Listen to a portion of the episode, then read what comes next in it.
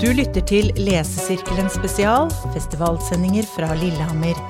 I denne episoden vil du høre Samtaler om mor med Bjørn Hatterud og Nancy Hertz.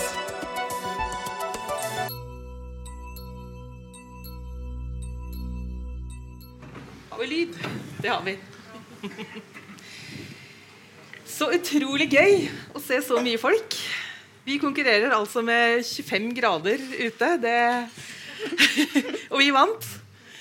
Det er stas, altså. Velkommen til denne samtalen om mødre. Mitt navn er Siri Lindstad, og det er jeg som har fått gleden av å lede denne samtalen. For Bjørn Hatterud og Nancy Hertz har begge skrevet bok der mor er en avgjørende skikkelse. I Bjørn Hatteruds bok, som kom i fjor og vant Kritikerprisen, 'Mjøsa rundt med mor', så eh, var og er mor en viktig støttespiller for unge Bjørn.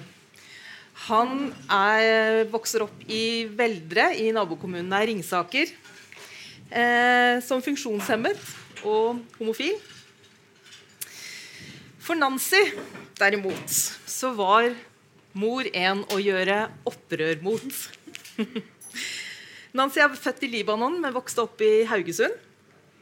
Nå, når hun skriver denne boken, så lever hun eh, tilsynelatende sitt eget voksne liv, men blir stadig konfrontert med spørsmål fra moren skal du ikke gifte deg snart. Det er også det som har gitt tittelen til denne boka som kom tidligere i år, og som har undertittelen 'Alt mamma og jeg burde ha snakket om i stedet'. Det er lett å se um, alt det som skiller historiene deres. Men jeg har lyst til å begynne med noe som forener. Nemlig at eh, dere har mødre eh, med barn med minoritetsstatus. Hva har dere lyst til å si om det? Skal jeg begynne? Det kan du godt gjøre. Um, altså For min mor så kan jeg se for meg altså Det hun sier, er jo uh, både til meg og til andre, er jo at hun er veldig glad for at jeg er født med funksjonsnedsettelser, og at jeg er homo. Fordi at det har utvida hennes horisonter i livet, og at det har gitt meg muligheter i livet som har gjort tatt livet mitt i en annen retning enn det ellers ville hatt. Uh, så sånn sett så vektlegger hun det positive uh, ved det.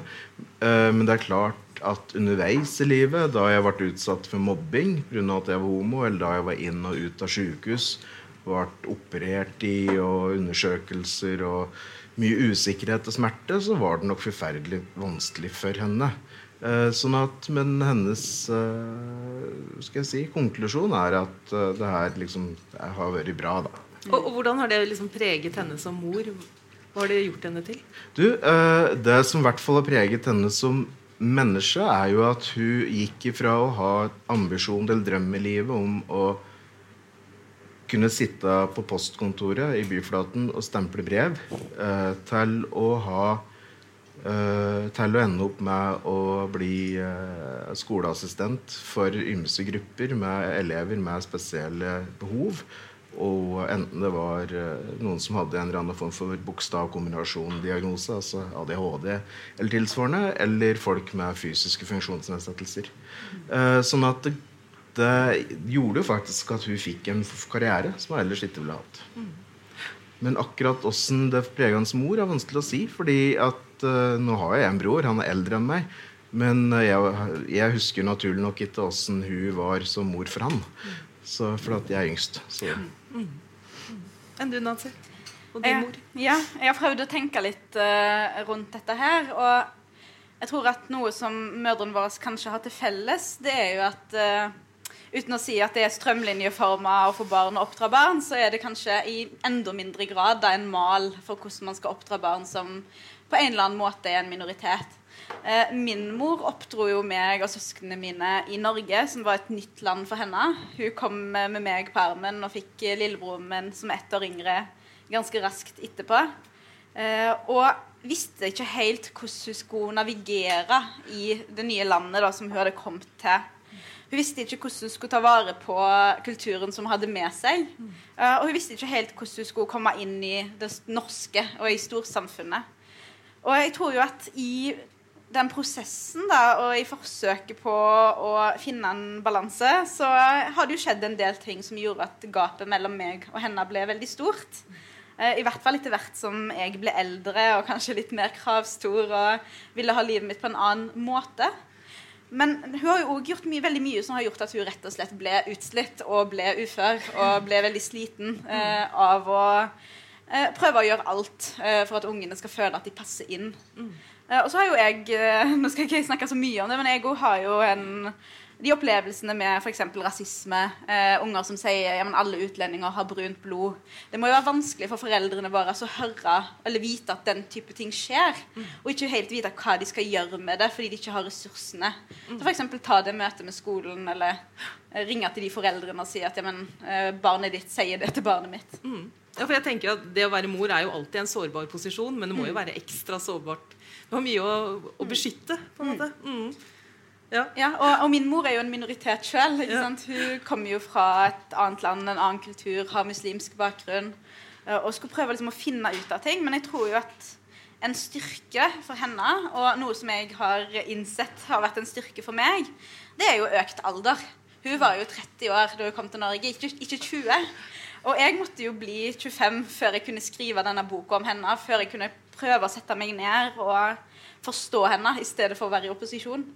Og, og det tror jeg eh, Jeg tror alder spiller en viktig rolle. Vi må få de erfaringene. Vi må eh, ha den tiden da, til å ha de tankeprosessene da, for å komme eh, der. Og, og dere beskriver jo begge en prosess i boka. ehm, og dere gjør det eh, ved hjelp av det litterære virkemidlet en reise. Altså Begge reiser dere tilbake igjen til hjemstedet. Eh, men mens du da tar med deg mora di på tur rundt Mjøsa Det tar riktignok en del sider før dere kommer dere av gårde, men til slutt så er dere på vei. Eh, så stenger du deg inne på et rom med moren din. Hvorfor den strategien der? For at du ikke skulle stikke av. ja, men det er ikke tull. Det var, jeg satt der og var veldig veldig redd for at hun skulle reise seg og gå. Eh, Så Flere steder i boka så har vi jo sånne lange samtaler som nesten ikke tar slutt. Fordi jeg er så redd for at hvis vi tar en pause nå, så kommer hun ikke til å sette seg eh, med meg igjen. Eh, Og så var det jo litt utfordrende, for jeg var jo på hennes hjemmebane. Eh, og jeg snakket med henne hjemme hos eh, foreldrene mine på hennes røykerom, eller vinterhage. da. Eh, men samtidig så har jeg jo tenkt en del på at både meg og deg, da det er jo vi som setter siste punktum, og det er vi som får lov til å fortelle historien. Og, og det gir jo kanskje en annen type makt, da. Og det kan vi kanskje snakke litt eh, mer om etter hvert. Enn du, da? Altså, Jo, um... hvilken funksjon skulle denne reisen ha? Og liten fare for at mor skulle hoppe ut bildøra og vandre av gårde på Lena eller noe slikt òg. Det er jo ikke så god bussdekning innlandet. Um, sånn at det er jo Jeg hadde jo for så vidt liksom Jeg visste den hadde jeg den turen, jeg òg. men uh, det som var en måte beveggrunnen, var jo at um, uh, Ja, det er en lang historie, men kortversjonen er den at eh, vi gjorde jo altså Når jeg sier vi, da er det mor og meg og min bror og min mormor. Uh, vi gjorde jo en biltur rundt Mjøsa i det må ha vært 89-90 en eller annen gang. Uh, og det slo meg da i prosessen med boka at det kunne vært det kunne ha vært en fin liksom, et narrativ i en bok. Det var smart tenkt, tenkte jeg. Og så var det også det at jeg hadde jo veldig lyst til å finne på noe sammen med mora mi. Og så jeg spurte om det var lenge siden hun hadde vært rundt omkring. Og hun bare sånn Å ja, det var lenge siden. Så hun satte seg ned og skrev egentlig mer eller mindre opp ruta for oss. Hun ville til Mengstol for å se gamle ferjekaia, for der hadde hun ikke vært på 20 år. ikke sant? Uh, hun ville altså sånn at og, så, så, så det var liksom uh, Og så var det en tur som vi planla, og som vi endte opp som var utsatt og utsatt. Og derfor så ble det også boka lenger og lenger. Sånn at vi kommer, så går det på side 110 eller noe sånt. Eh, det er jo gå inn i historien som en av tidenes dårligste reiseguider i sånn måte. Men, eh, vi, men, men poenget her er jo at eh, det skjedde jo mye når vi prata om det at vi skulle ut og reise òg. Altså, og at vi altså, det her satte i gang en del samtaler.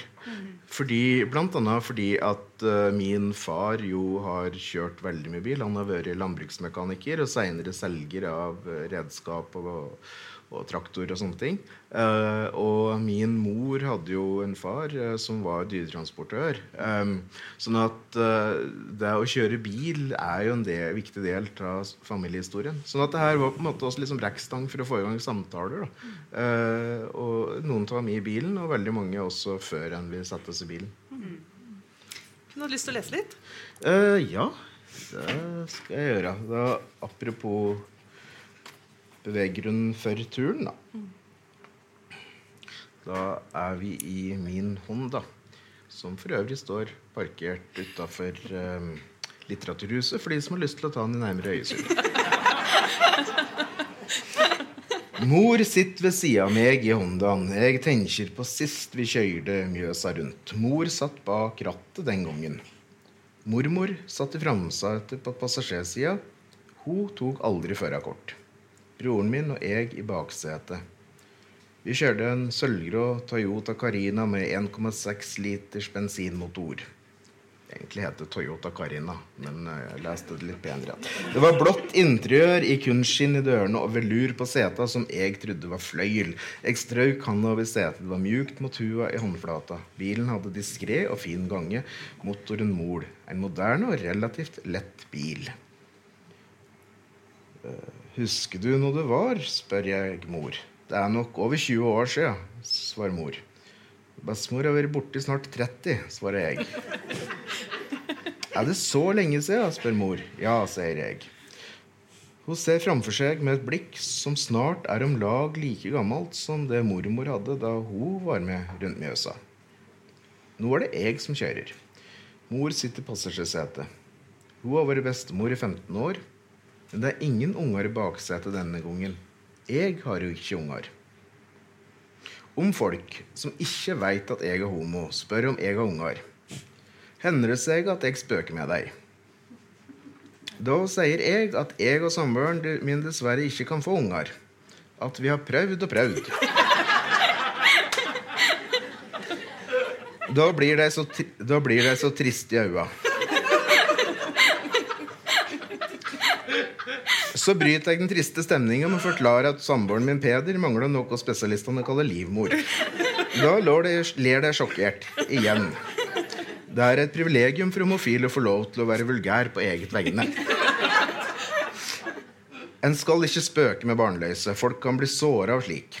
Jeg er frivillig barnløs, tror jeg. Det vil si, jeg ville ikke hatt barn om jeg bodde sammen med ei dame heller, tror jeg. Jeg har egentlig aldri tenkt tanken. Flere av funksjonshemmingene mine er genetiske og arvelige.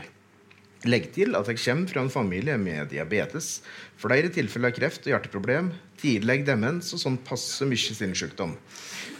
Jeg pleier å si at jeg er en haltende genetisk søppelhaug. Ei komplisert sjel er en komplisert lekam. Å spreie disse tinga videre har jeg liksom ikke sett på som et must. Dessuten er jeg lat. Jeg begynte til dømes aldri å røyke fordi jeg ikke gadd. Jeg holder knapt nok liv i ei potteplante. Men jeg merker det faktisk akkurat nå her jeg sitter bak rattet med mora mi ved sida av, at det skulle vært med en generasjon til her i bilen. En sånn eller ei datter i baksetet som en gang i framtida kunne kjørt meg rundt Mjøsa. Som kunne sikra kontinuiteten. Tanken gjør litt vondt. Jeg tenker at jeg er et sidespor i slektstreet som ikke ble til noe mer. En av disse i, i historia som forsvant til Oslo. Mor mimrer om turen den gangen med mormor. Mor hadde laga skisburgere til oss den gangen og pakka deg inn én og én i aluminiumsfolie. Så hadde du putta deg i en kjølebag fora med isopor som isolerte maten slik at burgerne holdt seg varme. Jeg husker skisburgerne fremdeles, jeg òg. Lukta og smaken. Mormor ble så overraska da hun fikk denne varme klumpen med mat i fanget at hun nesten datt av campingstolen vi hadde med. Hun hadde ikke venta seg noe slik.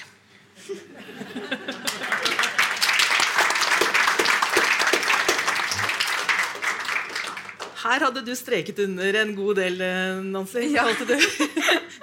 Hva var det du kjente deg igjen i her?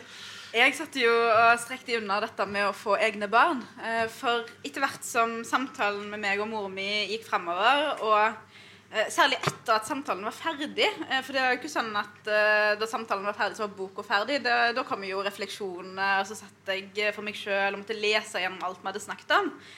Og så Parallelt så ble jo forholdet mitt til mamma bedre, så det var jo litt sånn hardt da, å gå tilbake til det aller verste. Men hun har da klart å gå videre i livet sitt fra 'skal du ikke gifte deg snart' til 'når skal du få barn'?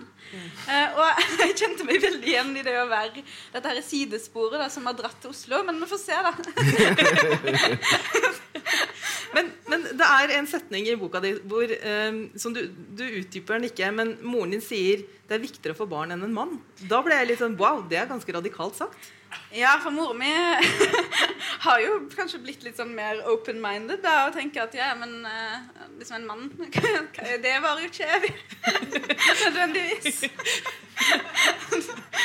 Men det gjør barn. Ja. Ja, det, hun tenker jo det, da. At eh, barn de er jo dine, de har du oppdratt, osv. Og, og, og det tenker jeg at Det er jo veldig sårt for henne da å oppleve at jeg i så stor grad tok avstand fra henne og måten hun oppdro meg på. Eh, Så jeg ble, I tillegg til å bli bedre kjent med mora mi, så har jeg jo fått en større innsikt da, i hvor, hvor vanskelig ting var for henne. Og det tror jeg at mange kjenner på, at vi ikke ser på foreldrene våre som noe mer enn foreldre. Vi tenker at uh, du er min mor. Uh, Mora mi begynte å eksistere 14.4.1996. og så innså jeg jo da at ja, men mora mi levde jo 30 år før det og hadde jo et utrolig innholdsrikt liv. Uh, og sin egen identitet. Hun er et menneske, en person. Eh, og det var veldig sånn eh, en åpenbaring, da. det burde ikke vært sånn. Men, men si noe mer om når og hvor var det det virkelig skar seg mellom dere to? Eh, det har vært en sånn slippery slope, kan du si. Jeg tror turning pointet for oss var jo da jeg flytta til Oslo i 2016. Eh, noen måneder før så hadde jeg skrevet om det å være såkalt skamløs i eh, Aftenposten. Og med det mente jeg jo det å ikke kjenne på den skammen som andre prøver å påføre oss. Eh, fordi vi er den vi er. Og du skriver jo en del om eh, både skam og det å ikke passe inn. Eh, og jeg ville ta et oppgjør med at andre i mitt miljø da særlig eh, skulle si at jeg ikke var god nok eller ærbar nok. Eh, Så jeg skrev denne kronikken, og så dro jeg til Oslo, og det balla på seg. Og jeg prata veldig mye om det å bryte fri og ta et eh, oppgjør. Og mora mi hun ble rett og slett redd. Hun var redd for at eh, noen skulle være veldig uenig med meg og gjøre meg noe vondt. Og så var hun òg redd for at folk skulle lese dette og tenke at ja, men alle utlendinger har det sånn. Eller alle som har muslimsk bakgrunn, kontrollerer ungene sine. Så hun var redd for at min stemme, da, det jeg gjorde, forsterka den rasismen. Eh, og da endte jo jeg opp med å dra hjem eh, og krangle med hun, for hun eh, ville jo diskutere dette. Jeg ville ikke diskutere dette. Og dette pågikk jo over flere år med perioder der vi ikke snakket sammen i det hele tatt. Men første juledag i 2018 så ble det litt for meget. For da begynte vi å snakke om samlivet mitt og den personen jeg var sammen med da. Og fortsetter sammen med. Han er veldig glad for det. Du kan gjette hvem det er. Du, du viste jo frem Du sa at folk kunne se på hånda din. Så Ja, ja, ja.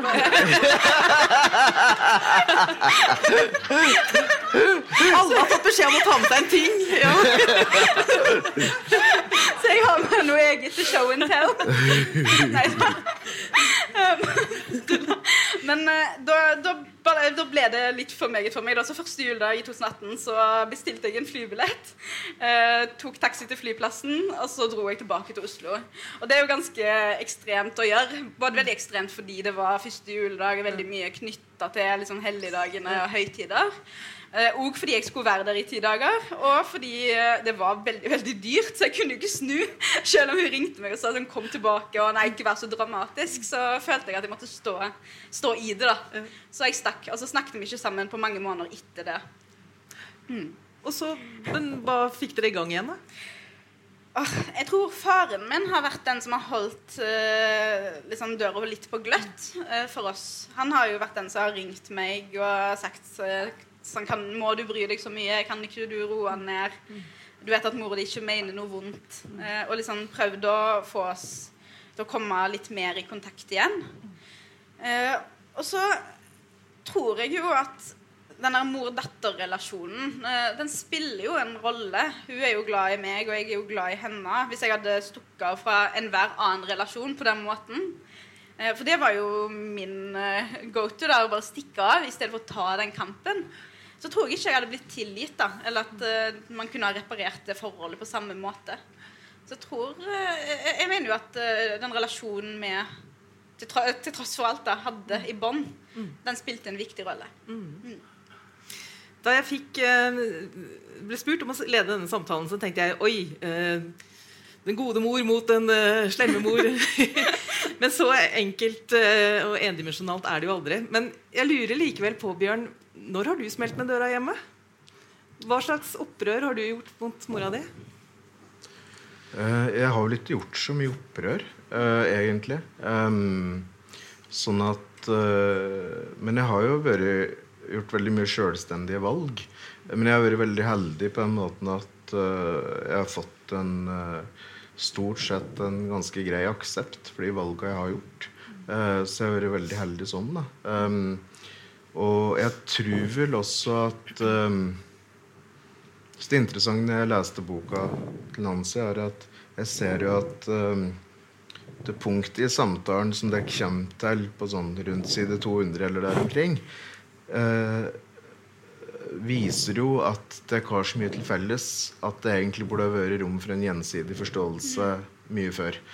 Egentlig. Mm. Sånn at, og jeg, men jeg tror det som er greia, er at uh, jeg, vært, jeg, tror da at jeg måtte stå frem som homo, da at jeg var inne ut av sjukehus med mora mi som støtta sånn, har gjort òg at vi har fått tvinge fram en form for åpenhet i samtalene eh, som har gjort at det kanskje ikke har blitt helt behov eller mulighet for den type konflikter. Jeg tror de kunne ha vært der. Jeg tror det kunne ha vært flere av de. Men i og med at vi ble ganske godt kjent med hverandre relativt tidlig, så har vi vel klart å unngå det, tror jeg. Men det er klart, jeg har jo vært forbanna, og hun har sikkert vært dritlei, hun òg. Eh, sånn at, eh, men, jeg, men jeg tror det har nok også noe med det at når du, hun har sett meg i, en, i veldig hjelpeløse posisjoner og under oppveksten, så tror jeg nok også det liksom får fram det aller, aller aller beste i et mammahjerte. Og det mest tålmodige. Eh, sånn at uh, hadde jeg vært mer ressurssterk som unge, altså, da mener jeg ikke at funksjonsnedsettelser og ikke blitt mobba og alt det der, så det jo, kan det jo hende at det hadde blitt mer konflikt.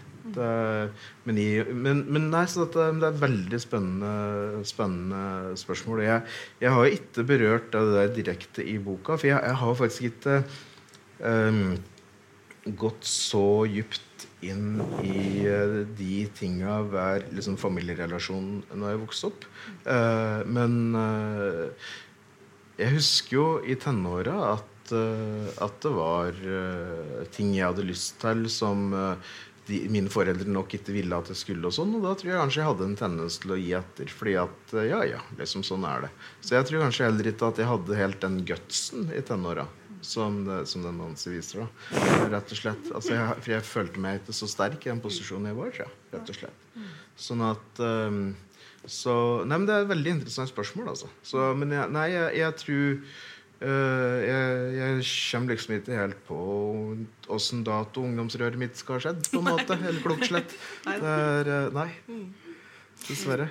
Du nevnte jo faren din. Uh, og det er jo en far i, i bildet i begge tilfeller her. Og jeg får et veldig sympatisk inntrykk av både din og din far. Men de spiller ikke noen stor rolle i de fortellingene dere forteller. Det, det jeg flirer litt når jeg leste annonsen. Det er sånn ok, der dukker faren opp igjen. Ok, så er det ti sider til, og der dukker faren. Og det, er jo helt likt med min bok.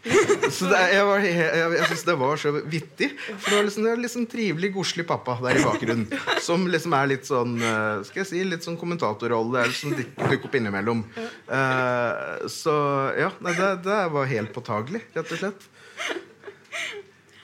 Men jeg syns jo nesten det er litt uh, urettferdig. Fordi uh, jeg skriver jo om mora mi fordi det er der konflikten min har vært. da. Uh, og mye av min utvikling har jo vært i den kollisjonen med henne. Og så er det jo ganske urettferdig da, at fordi jeg ikke har hatt den samme eh, dynamikken med pappa, da, så blir han eh, en sånn birolle i historien. Jeg har tenkt en del på det. Du får ta med på en sånn rundtur, da, så, sånn som Bjørn har gjort. Mm. Men, Ja. jeg, men jeg har også tenkt på det der med min egen far. eh, Og så jeg prata med han, syns det blir jo lite om deg her, da. Ja, nei, det gikk greit, det, liksom, da.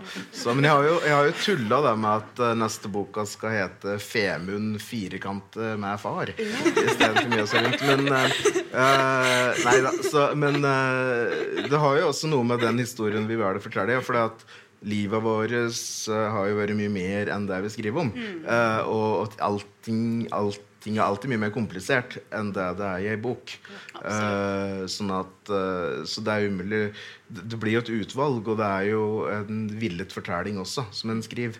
Så, sånn at uh, Og da i til, begge tilfeller her så var det vel slik at eh, det var det greia med mora som var på en måte sentral da, i fortellinga. Absolutt. Har du lyst til å lese litt, eh, Nancy?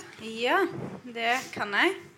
Eh, Jeg har eh, funnet et eh, lite utdrag fra boka, som eh, både er en del av samtalen jeg har med mamma. eh, I eh, jeg tror det er del to av boka, hvor vi snakker om min oppvekst. Eh, og så er det en del refleksjoner rundt det. Og det er et tema som jeg følte at vi hadde til felles. Dette med penger og det å vokse opp i en Nå kaller man det en lavinntektsfamilie. Eh, og hvordan det påvirker eh, et liv, da. Så jeg sier til mamma Jeg vet at dere strakk dere langt for at vi ikke skulle føle oss utafor. Men som barn visste jeg at det var ting vi ikke hadde råd til, eller at det var ting jeg ikke kunne spørre om. Mamma svarer. Alle barn føler jo på det, men jeg gjorde så godt jeg kunne.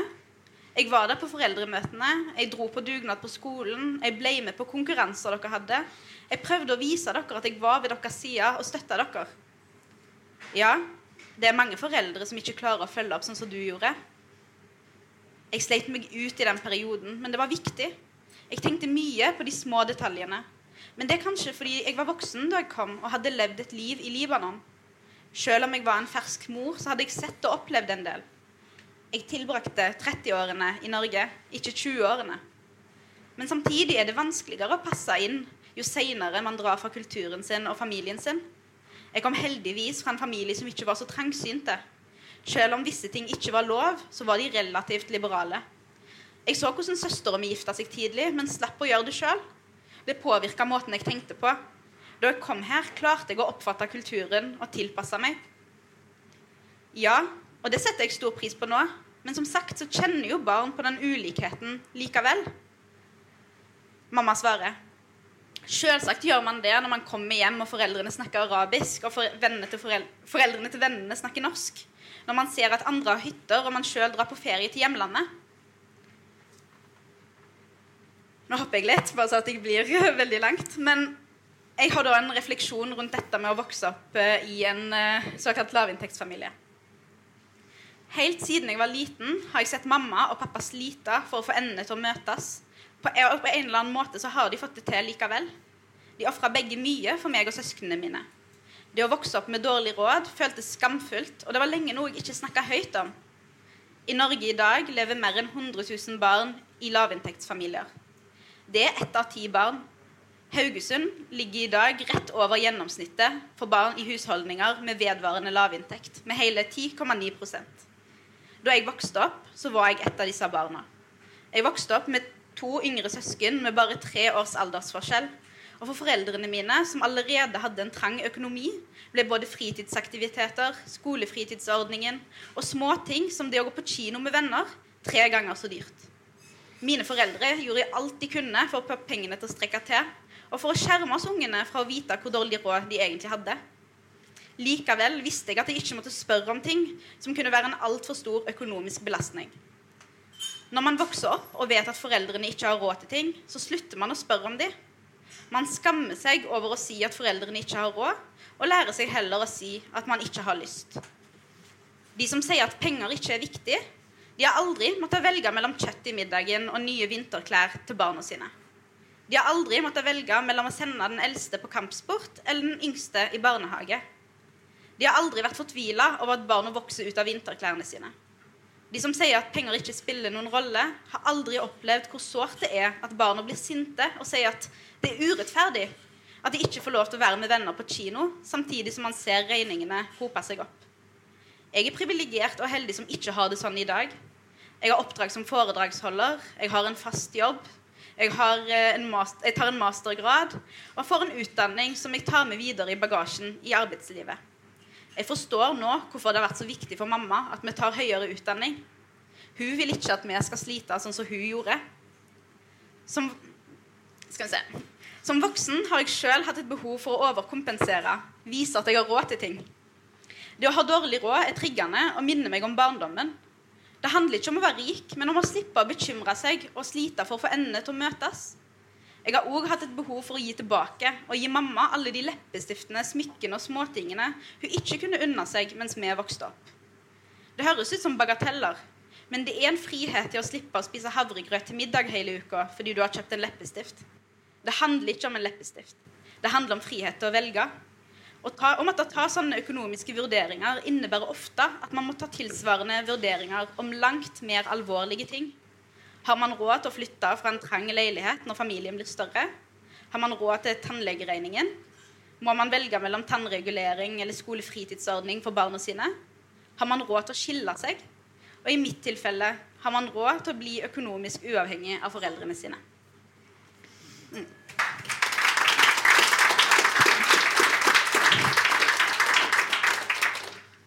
Hvordan var det for deg, Bjørn? Hvilken rolle spilte penger i oppveksten din?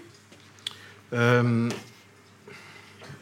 jeg skriver jo uh, i boka at vi hadde, alt vi hadde rikt av alt, bare ikke penger, tror jeg. Uh, og mine foreldre uh, De levde jo på én lav inntekt lenge, fordi faren min var jo arbeidsmekaniker som er lavtlønna. Mor kunne ikke gå i lønna jobb fordi at hun måtte passe på meg. Og det her var også før enn det var Nå har vi jo eh, f.eks. Eh, sånn uh, egenandelskort. Kommer over en viss egenandelssum, så er det gratis helsestell. Det var jo ikke innført før en i 1990 eller 1989. Eller så det ga ikke da jeg unge. De hadde enorme helseutgifter på meg, og de hadde ingen penger. Sånn at, så det var jo bare så vidt de hadde råd til mat. Det er realiteten. Men jeg merka jo ikke det da jeg var unge. Men det er klart det jeg merka, var at jeg var jo alltid fjerde eier av alle klesplagg. Jeg hadde jo aldri noe som var nytt. Jeg, det var enten mine fettere Per Jan som hadde hatt det, og, eller så var det Espen og Terje Olsen som hadde hatt det før meg. Eller noen andre. Uh, sånn at jeg hadde jo aldri noe nytt sånn. Og uh, vi uh, Sånn at det var jo om å snu på krona. Og det var jo også slik at um, det, altså det, fikk jo fram en stor grad av kreativitet også. De dyrka jo alle typer grønnsaker sjøl. Eh, far arbeida jo eh, ofte fra seks om morgenen til ti om kvelden. Og i helgene arbeidet han på gården til onkelen min for å arbeide gratis, sånn at vi skulle få poteter og kjøtt. Så vi hadde jo da to frysere, da, riktignok fulle med kjøtt. Så vi hadde mye kjøtt, poteter. Uh, men de hadde jo ikke penger. Um, og, så det var jo ganske smått. Jeg skrev også i boka om det at når mor Når min onkel Thor uh, og skulle gifte seg med min tante Anne Berit. Uh, 79. Så gikk jo mor og kjøpte seg uh, kjolestoff på tilbud. Så dro jeg med igjen og fant et uh, mønster og fikk sydd kjolen. Og jeg syntes jeg hadde gjort det ganske bra og håpet at ingen skulle se at det her var hjemmegjort.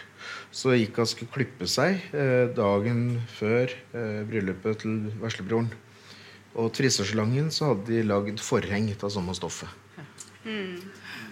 Det gjorde veldig vondt å lese. Så, og, var... sånn at, og da, men hun beit jo skammen i seg og gikk med den kjolen. Jeg håpet at mm. ingen skulle skjønne. Så det å ha så dårlig råd gjør noe med en. Mm. Men jeg har samtidig inntrykk av at Kan jeg bare spørre, Ble ja? hennes skam da din skam? Nei, jeg hørte litt om det her før, en, det her før noen år etterpå. Og jeg fikk vel mer sånn empati, og litt mer at det blir sånn forbanna på en måte, over at det skal være sånn. Um, og uh, er jo fremdeles forbanna over at uh, det er uh, en så stor andel av befolkningen som har så dårlig råd. Det syns jeg er dårlig. Men, men, jeg opplever samtidig at det er én forskjell i våre bøker og våre fortellinger. Og det er at Eh, I hvert fall din mor, tror jeg, og kanskje muligens din far, kommer jo ifra en eh, ganske så møblert middelklasse. Mm. Og de fikk jo, din mor hadde jo avbrutt studier i eh, økonomi og sånne ting i hjemlandet. Og gitt at hun hadde blitt i Libanon, så hadde hun blitt ferdigutdanna og antakelig tjent godt med penger og hatt en god status. Og hun valgte da bort den statusen for kjærligheten til din far og for din framtid. Så flytta til et nytt land og raste i status og gikk ifra å være potensielt rik til å bli kjempefattig. Det tenker jeg er jo et veldig sterkt valg. Altså Da velger du på en måte med hjertet og ikke med hodet. Altså. Når du velger kjærlighet til ektemannen, og du velger tryggheten for unga framfor din egen status og din egen inntekt. Så det syns jeg var veldig sterkt å lese. Jeg kan jo røpe det da at uh, mora mi som sier at barn er viktigere enn mann, hun dro ikke til Norge for kjærligheten. De, de hadde et veldig arrangert ekteskap, så de hadde ikke møttes uh, så mye før eh, de gifta seg. Så det var ikke romantiske årsaker, men det var jo av meg. Det var jo når hun da holdt meg i hendene, og det var krig, og hun nesten risikerte livet sitt for å føde meg, og så opplevde hun at dette er ikke trygt nok. Så det, det var veldig godt observert, syns jeg. Men samtidig var det jo slik at det var kjærlighet nok til at du var til. eh, På en måte, da.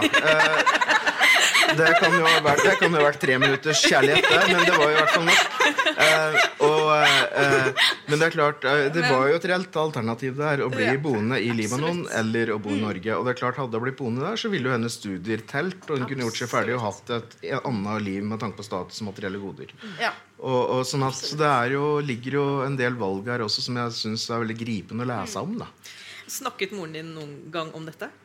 Mora mi gjennom oppveksten Ja. eh, ja, Hun har jo vært veldig bevisst da, på den der, eh, med hva hun har gitt opp for Ja. å være i Norge.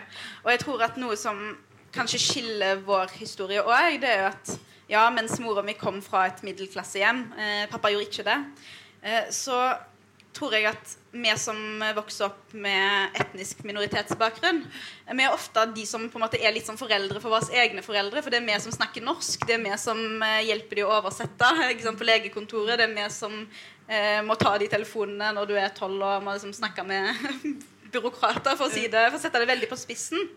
Eh, Så mens du sier at du ikke ble bevisst over de tingene mens du vokste opp og fikk høre eksempel den historien i ettertid, så kjente jo jeg veldig sterkt på det opp igjennom. Det vil jeg tro. Og jeg forstår jo, jeg må også si at jeg husker jo når far fikk baksmell på skatten i 87. Da var jeg ti. Og det husker jeg fremdeles. Da, da var det det var ikke noe moro. Nei. For det å finne 20 000 kroner når du ikke har, ikke har det på konto, så er ikke det lett. Eh, sånn at, så jeg husker jo sånne, mye sånne ting. Men jeg, jeg tror ikke jeg fikk projisert den skammen da jeg var sosialt. Men jeg skjønte jo eh, at mine foreldre syntes det var kjett å måtte si nei til ting vi ønska, som andre fikk. Eh, som folk rundt oss fikk. Det var jo alt fra videospiller til parabolantenne. Det var eh, merkeklær, eh, spesielle sko osv. I den første boka så skriver jeg om hvordan mine sko het Turbo istedenfor Nike eller andre kjente merker. Mm. Så, så det lå jo Men jeg tror de var flinke til å skjerme det at det var dette her, at det lå noe skam i det her. For meg så var det en realitet. Litt som at sola sto opp om morgenen. på en måte, At det var vann i krana og sånn. Eh, så, men jeg forstår jo at det å være i en situasjon der en er bindeleddet også for sine foreldre til omgivelsene, må jo gjøre at du nærmest ble lynavleder for en skam. Mm. men jeg syns du oppsummerer dette med penger så fint, så jeg måtte bare ta opp boka di. Og du skriver i én setning at penger betyr mye i en livsfortelling.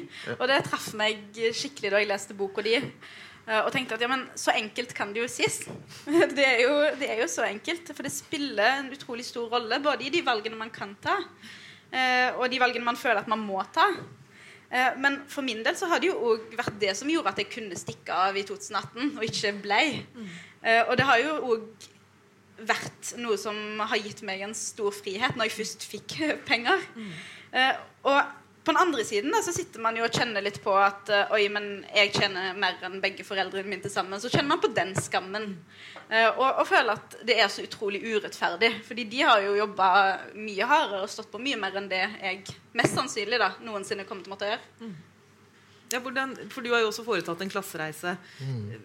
Hva, hvordan kjennes det i forhold til dine foreldre? Ehm, de er jo bare glad for at jeg er sjølhjulpen, liksom. Eh, sånn at jeg har jo ehm, jeg har jo en 100% uføregrad i bunnen hvis jeg vil, men jeg får jo ikke penger fra Nav fordi jeg tjener jo for mye. Så jeg, altså jeg har jo meldt ifra, så jeg får ikke utbetalt. og sånne ting. Men sånn at det ligger jeg, altså, For meg for mine foreldre så er de sjeleglade for at jeg har, uh, klarer å spare penger. Altså sånne ting, At jeg har en buffer økonomisk. sånn, For det har jo ikke alltid vært sånn i mitt voksenliv heller. Etter jeg kjøpte meg leilighet, så hadde jeg så dårlig råd at jeg knapt hadde råd til mat. ikke sant? Sånn at det å komme dit at man kan tjene penger, det betyr veldig mye. Og jeg tror ikke at mine foreldre opplever noen form for misunnelse der. At jeg, om jeg nå skulle ende opp med å sitte igjen med litt bankstrø, og de bare er veldig glad, mm. glad til. Og, men det er altså et stort tabu, det her, i samfunnet.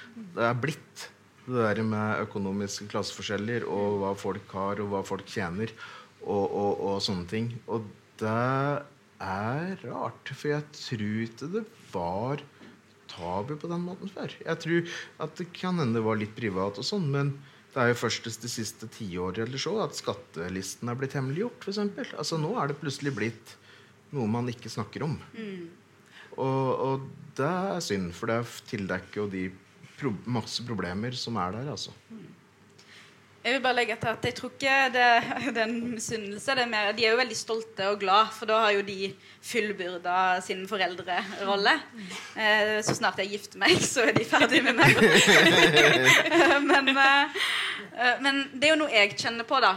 Og det der behovet for å gi noe tilbake, eh, som da blir litt sånn hengende over meg. Og når du setter det opp mot uh, det å ville ta avstand og det å ville skape et selvstendig liv og være noe annet og være noen andre, uh, og ikke leve etter de kulturelle normene da, som jeg er oppvokst med, så blir det ganske hardt. Altså, da står man der i den der dragkampen uh, mellom både kulturer og oppvekstmåter og mm. hvem man vil være, og hvem man er. Mm. Mm.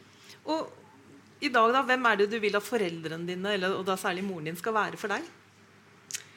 Oi, det er et stort spørsmål. Eh, jeg er jo veldig fornøyd med sånn som forholdet vårt har blitt eh, nå det siste året. For det hjalp å ja. lure seg inne og snakke sammen? Ja. ja, absolutt. Eh, som sagt, som jeg nevnte tidligere, så var det jo sånn at etter at vi hadde snakket sammen, så brukte jeg nesten et år da, på å gå gjennom samtalen og skrive denne boka. Og etter hvert så ringte jeg jo mora mi og spurte om detaljer, hvordan hun husker ting.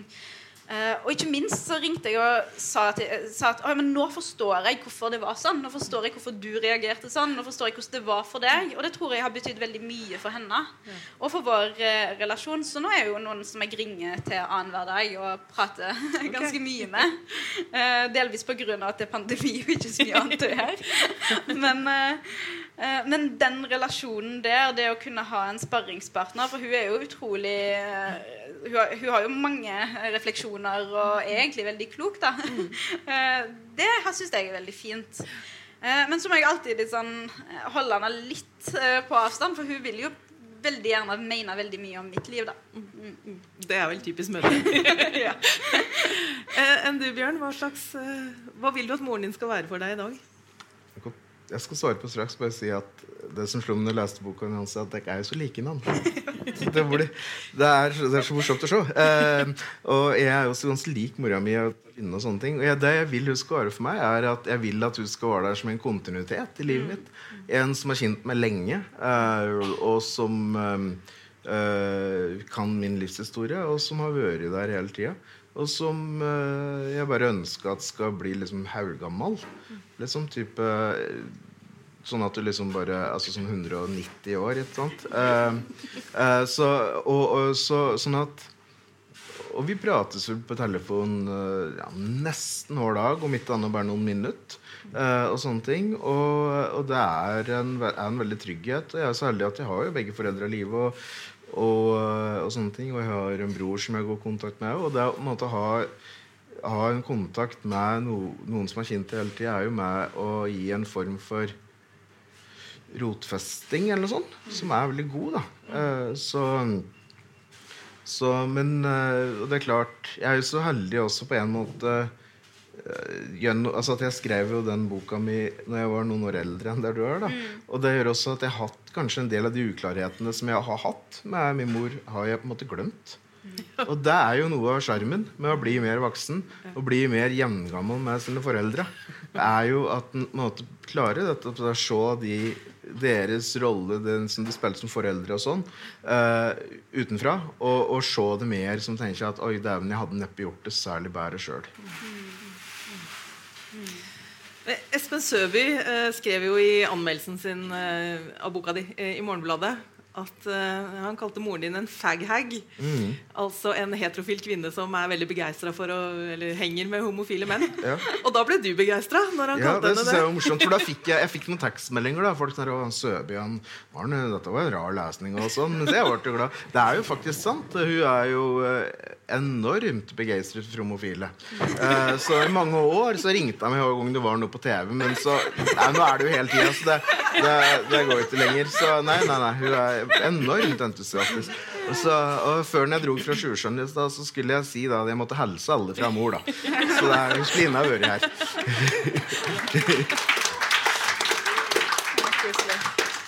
Vi skal straks runde av, men jeg, det er et uh, viktig spørsmål. Og det er altså, Mødrene deres blir jo på en måte kjente, altså kjendiser, gjennom disse bøkene dere skriver. Hvilke valg har dere måttet ta med hensyn til det når dere har skrevet? Mm.